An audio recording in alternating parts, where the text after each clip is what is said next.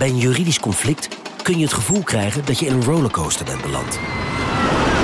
Je wereld staat op zijn kop en je bent de controle even helemaal kwijt. Dan is het fijn als je bent verzekerd bij ARAG. Daar werken topjuristen en advocaten die je begrijpen. Die een stap extra voor je zetten. En je het gevoel van controle teruggeven. Met kennis en informatie, met heldere uitleg en met gericht advies. ARAG, juridisch probleemoplossers.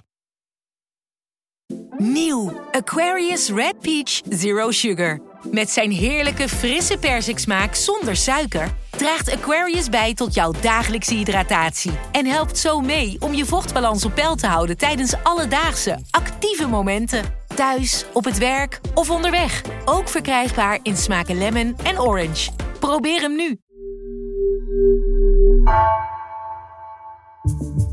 Vanaf de redactie van NRC het verhaal van vandaag. Mijn naam is Egbert Kalsen.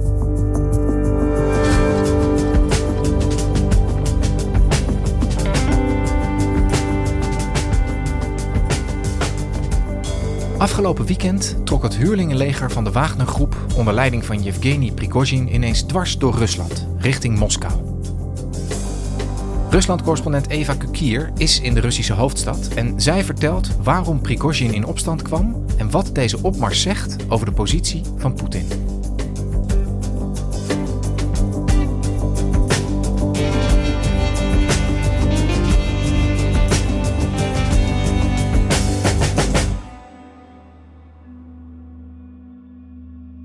Eva, we hebben de afgelopen dagen echt met stijgende verbazing zitten kijken naar wat er allemaal in Rusland is gebeurd. Een opstand van de, van de Wagner-groep die met duizenden militairen richting de hoofdstad, richting Moskou trokken. Uh, jij woont in Moskou en je hebt het vanuit die stad ook uh, scherp in de gaten kunnen houden wat er allemaal uh, gebeurd is. Kun jij eens wat orde in de chaos scheppen? Wat is er precies gebeurd de afgelopen dagen? Ja, je kunt wel zeggen dat, dat we echt bizarre 72 uur hebben beleefd. Dat begon op vrijdagmiddag toen uh, Yevgeny Prigozhin, dat is de baas van het huurlingenleger Wagner, plotseling een video online zette waarin te zien zou zijn hoe een van zijn legerbases ergens in het zuiden van Rusland, ergens in een bos, zou worden aangevallen door het Russische leger.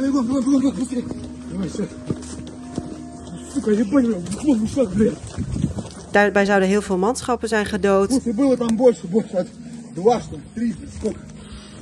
En dat gaf eigenlijk het startschot van een opeenvolging van gebeurtenissen.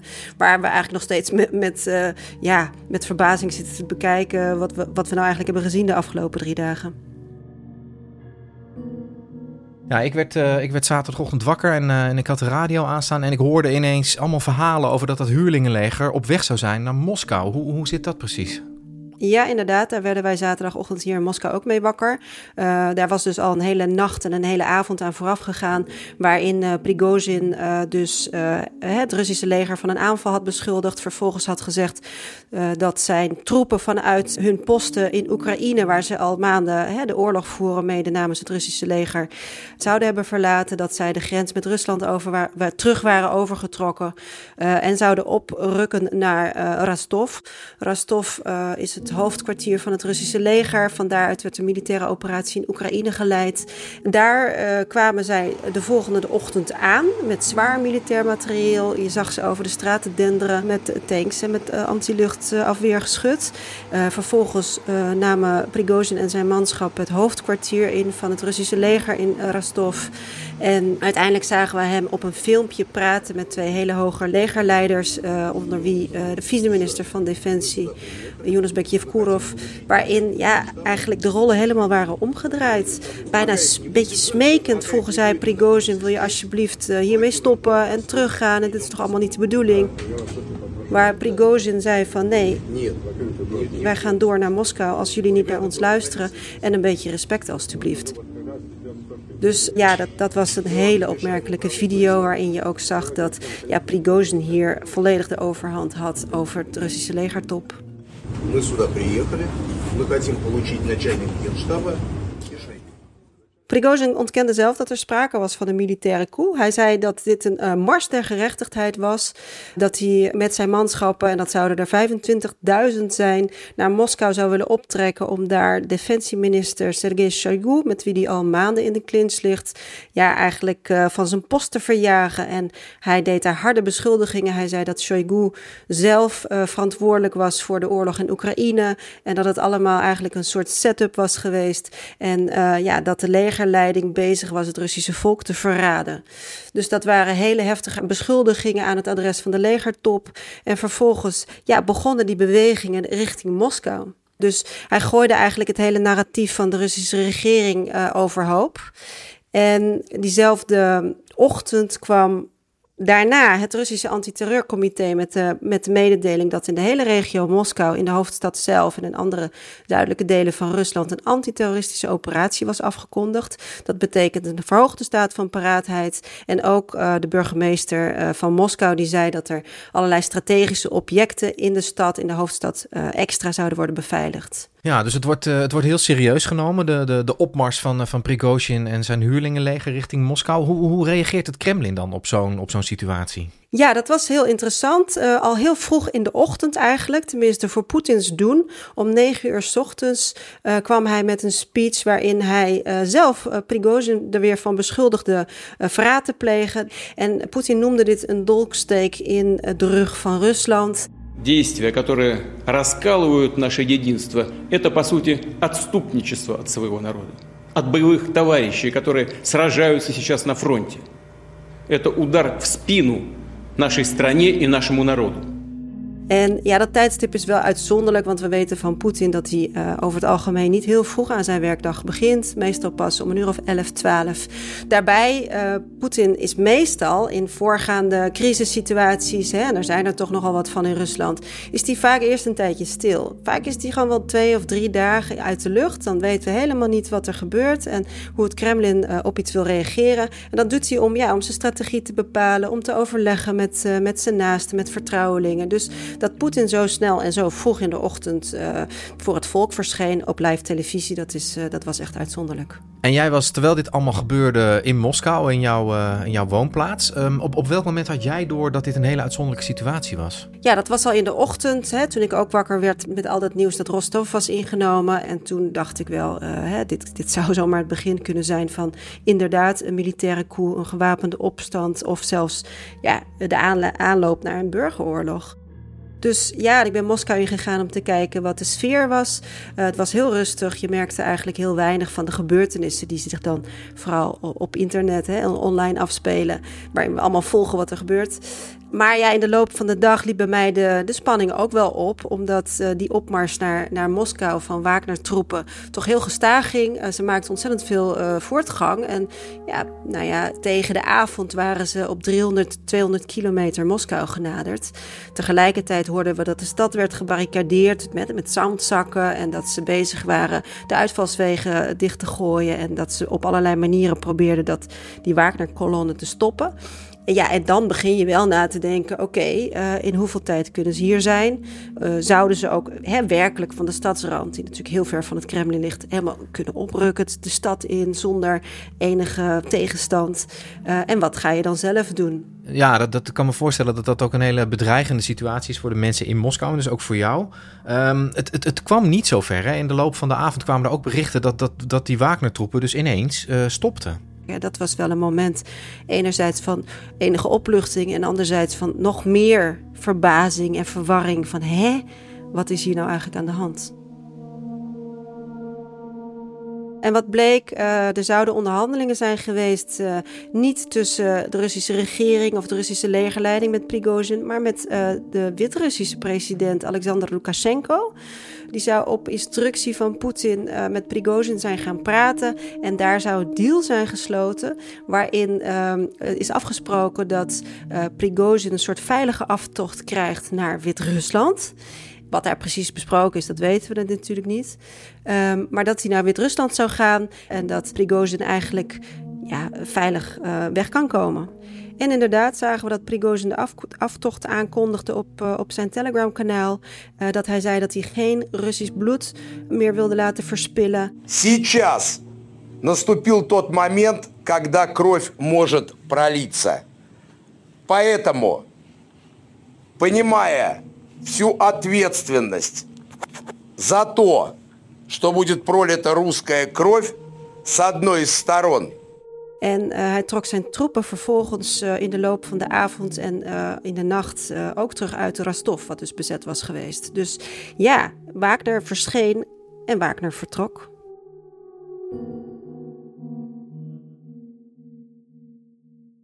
Ja, er is echt uh, ontzettend veel gebeurd uh, de afgelopen twee, drie dagen. Um, dat leidt tot allerlei vragen, bij mij in ieder geval. Uh, de belangrijkste vraag is misschien wel waarom? Waarom zijn die Wagner-troepen nou aan het muiten geslagen? De directe aanleiding was uh, die video waar we het er straks over hadden, hè? over die vermeende aanval van het Russische leger op een Wagner-basis. Maar in werkelijkheid uh, is dit een escalatie die eigenlijk al maanden in de maak was. Wagner, het huurlingenleger van Yevgeny Prigozhin, heeft een hele belangrijke rol in de strijd in Oekraïne. Voert daar ook een leidende rol uh, de afgelopen maanden, bijvoorbeeld rond de strijd in Bakhmut, dat kleine stadje in Oost-Oekraïne, waar Wagner al heel erg lang bezig is terrein te uh, waar Prigozhin ontzettend heeft uh, geklaagd de afgelopen maanden over gebrek aan steun van het Russische leger, uh, gebrek aan geld, aan materieel. En ja, steeds die frustratie bij Prigozhin uh, liep steeds hoger op. En hij, hij schoot steeds harder uit zijn slof. En die beschuldigingen tegen Shoigu en tegen andere mensen uit de legertop, ja, die zijn het afgelopen weekend gewoon helemaal overgelopen. En hebben geleid tot deze ja, totale escalatie van het conflict. En wat is precies de kritiek die, die Prigozhin dan heeft op die legerleiding? Want dat is toch zijn opdrachtgever in deze oorlog, toch? Nou, deels wel, deels niet. Prigozhin is een zakenman. Prigozhin heeft uit eigen zak is hij dat Wagner-leger een aantal jaren geleden gestart. Dat was al actief rond de annexatie van de Krim in 2014, hè, het begin van de oorlog in Oekraïne. En hij heeft dat de afgelopen jaren uitgebouwd met heel erg veel geld, wat hij onder andere in, in Afrika verdient. Nou ja, met allerlei operaties uh, daar. Dus uh, handelt eigenlijk behoorlijk uh, autonoom. En uh, heeft uh, bij het begin van de oorlog uh, vorig jaar heeft hij ja, zijn diensten min of meer aangeboden aan, aan het ministerie van Defensie. En heeft gezegd van nou, ik ga helpen in die strijd. En heeft daar zijn manschappen enorm uitgebreid. betaalt hij ook weer hè, uit eigen zak. Maar is natuurlijk wel afhankelijk ook van het leger in zoverre. Van aanvoerroutes, van materieel, van strategische militaire informatie, communicatielijnen. Dus daar moet eigenlijk een hele nauwe samenwerking zijn. Nou, en dat is precies waar Prigozhin al heel erg lang al heel erg over klaagt, is dat hij veel te weinig steun ervaart vanuit het legertop. En de afgelopen maanden liep die woede en frustratie bij Prigozhin steeds hoger op. En die richtte zich vooral tegen defensieminister Shoigu, tegen legercommandant Gerasimov, tegen Suravikin, die ook een legercommandant die de strijd leidt in, in uh, Oekraïne. En uiteindelijk liep dat er dit weekend op uit dat uh, Prigozhin Shoigu er rechtstreeks van beschuldigde dat die hele oorlog eigenlijk een soort uh, ja, opzet was van het Russische leger. Dat er nooit echt een aanleiding is geweest. Dat die hele oorlog in Oekraïne gewoon een, een, een debakel is. En ja, dat zijn dingen die, die in Rusland niet kunt zeggen. We leven hier in een militaire censuur, een militaire uh, totalitair regime. En dit soort dingen durft niemand te zeggen. En Prigozhin zei dat allemaal wel. En, en hij zei ook dat uh, die inval eigenlijk bedoeld was door Shoigu en Gerasimov en andere legertop uh, mensen om hun zakken te vullen. Prigozhin die had dus de afgelopen maanden vooral heel erg veel kritiek op uh, defensieminister Shoigu en op de andere leden van de legertop, maar nooit zozeer op Poetin zelf. En Poetin die bleef die ministers steunen. Hij gaf niet toe aan die kritiek. Uh, hij bleef ook heel erg afwezig eigenlijk uit de discussie. En ja, dat borrelde tot de emmer dit weekend overliep. En Prigozhin dus ja, zijn macht wilde laten zien. En op die manier echt een directe bedreiging werd voor de macht van Poetin. Want jij zei net al dat in Moskou uh, het gevoel was dat, uh, dat, nou ja, dat het land misschien wel op de rand van een burgeroorlog stond, hè, door, die, door die opmars van, uh, van Wagner. Hoe werd er dan door de, door de bevolking daar gereageerd? Zagen zij Poetin nog steeds als, als de grote onaantastbare leider? Of doet dat ook iets met hoe zij naar hun, hun machthebbers kijken? Ja, dat weten we eigenlijk niet. Uh, er is al een, uh, een, jaar lang sinds de oorlog is afgekondigd, dus er een militaire censuur. De repressie is ontzettend opgevoerd. Ontzettend veel mensen die kritiek hebben gehad, groot of klein op de oorlog, die zitten vast. Sommigen zitten 25 jaar celstraf uit. Dus wat Russen precies weten, dat weten we niet. Uh, het was in Moskou de afgelopen drie dagen ook ja, rustig. Je ziet niets van die onrust op straat. Maar tegelijkertijd online en dan vooral op Telegram, hè, grote sociale medium, wat in Rusland nog steeds niet geblokkeerd is. Daar zag je wel dat ja, iedereen ook in Rusland zat op het randje van zijn stoel te kijken wat hier nou zou gebeuren. En of dit mogelijk ook hè, zou uitlopen in een gewapende strijd in Moskou zelf, uh, een burgeropstand of zelfs een soort revolutie. En dat zie je vooral in Telegram-kanalen waarin mensen vrij openlijk uh, commentaar leveren op de gebeurtenissen, maar niet op straat. Hè. Op straat, het, het is een hele grote stad Moskou, het, het, leven gaat gewoon door. Dus het is uiteindelijk toch maar ja, een kleine minderheid die echt hier zichtbaar mee bezig is. De rest is, ja, gaat ook door met zijn dagelijkse dingen. En heeft deze hele situatie van afgelopen weekend nou ook de, de opstelling van Russen tegenover Wagner en tegenover Prigozhin veranderd, denk jij? Ja, dat is wel interessant, want wat je ook zag is dat, uh, en ik heb met wat mensen gesproken, ja, die eigenlijk min of meer op, op een beetje op Prigozhin zat te wachten. En die zei van, nou, laat hem maar komen. En laat hem uh, Poetin de, uh, maar de waarheid zeggen. En eindelijk gebeurt er wat. Hè? Russen leven ook al een jaar in een vreselijke impasse. Uh, in, een, in angst. niemand mag iets zeggen. Heel veel mensen zijn het niet eens met die militaire operatie. Dus je zag dat ook een beetje kantelen, toch? Heel voorzichtig dit weekend. Dat mensen ineens begonnen te zeggen, veel openlijker dan normaal. Van nou, eindelijk gebeurt er wat. En misschien dat, dat we dan hier ook wel het einde van het Poetin-regime mee uh, zien. En Eva Wagner heeft een belangrijke rol gespeeld tot nu toe naast het Russische leger in de, in de strijd die in Oekraïne wordt uitgevochten. Um, het is misschien een beetje een ingewikkelde vraag op dit moment nog, maar kunnen we al iets zeggen over wat dit conflict tussen Poetin en Prigozhin nou betekent voor die oorlog in Oekraïne? Dat is uh, heel moeilijk te zeggen. Hè? Wat ik al zei, uh, Wagner speelt een hele belangrijke rol in die oorlog. De weinige successen die Rusland het afgelopen jaar heeft geboekt in Oekraïne, dat waren voor een groot deel dankzij Wagner en de inzet van Prigozhin. Dus het heeft sowieso grote gevolgen voor de oorlog, maar ook voor Poetins positie. Omdat Poetin ja, is uh, dit weekend een hele zwakke leider gebleken. Uh, er is een geradicaliseerde ja, huurlingenbaas die uh, met al zijn mannen optrekt naar Moskou. En de hele wereld heeft toegekeken dat hij eigenlijk ja, totaal geen voorbereiding was. En dat, er, ja, dat ze hem eigenlijk niet hebben kunnen stoppen. Ja, en ik moet je heel eerlijk bekennen dat toen ik al dit weekend al die berichten voorbij hoorde komen, dat ik ook de hele tijd dacht van wat is nou de diepere bedoeling hierachter? Welk spel wordt hier gespeeld? Ik bedoel, er zijn allerlei scenario's en complotten die natuurlijk hier ook alweer de ronde over doen. Uh, uh, hoe, hoe kijk jij daarnaar? Is dit een spel geweest? Kunnen ze hier ook allebei voordeel bij hebben, bij wijze van spreken? Nee, ik denk niet dat het een spel is geweest. Het is wel zo, hè. Ja, er wordt natuurlijk uh, ongelooflijk uh, veel gespeculeerd. Ook op de sociale media. Iedereen heeft er een mening over. Iedereen komt met desinformatie, complottheorieën. Uh, en die vermengen zich met hè, de feiten dus, en de emoties. Dus er is ongelooflijk veel nieuws geweest dit weekend. En dat zal voorlopig ook nog wel zo blijven. Maar uiteindelijk moet je toch blijven bedenken. We weten niet precies wat er gebeurt. We, we hebben niet de informatie behalve hè, filmpjes op Telegram waarin we dingen denken te zien. Dus hoe dit uitpakt, dat is nog maar de vraag. Dat het heel slecht nieuws is voor Poetin en dat Poetin volgens mij nou zelden zo dicht is geweest bij zijn, ja, misschien wel zijn val of het echt afbrokkelen van zijn machtsbasis.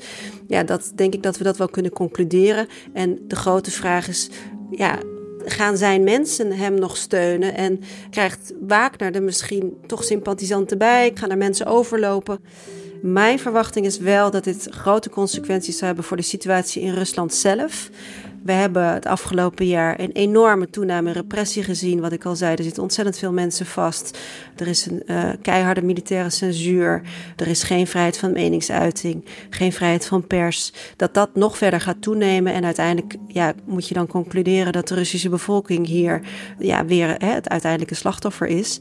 En dat Poetin alles zal doen om zijn machtsbasis te verstevigen. Om nog meer kritiek, nog harder te smoren.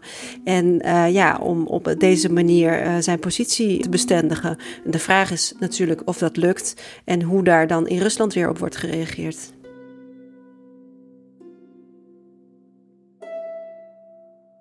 Eva, dankjewel. Dankjewel, Egbert.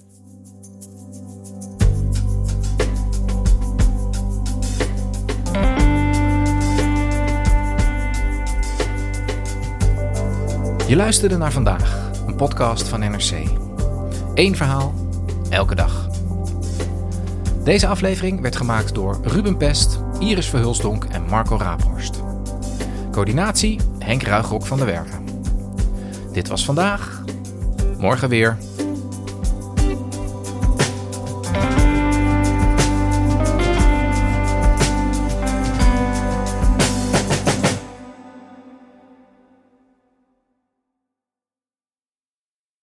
Een maatschappij waarin iedereen meedoet. Gezonde, groene en rechtvaardige wereld. Daar willen jij en heel veel andere mensen best iets aan bijdragen. In het klein en in het groot. Dicht bij huis en ver weg. Zo hebben we vorig jaar 349 miljoen euro bij elkaar gebracht. Miljoenen waarmee onze goede doelenpartners de wereld elke dag een beetje beter kunnen maken. Nationale Postcode Loterij. Samen voor een betere wereld.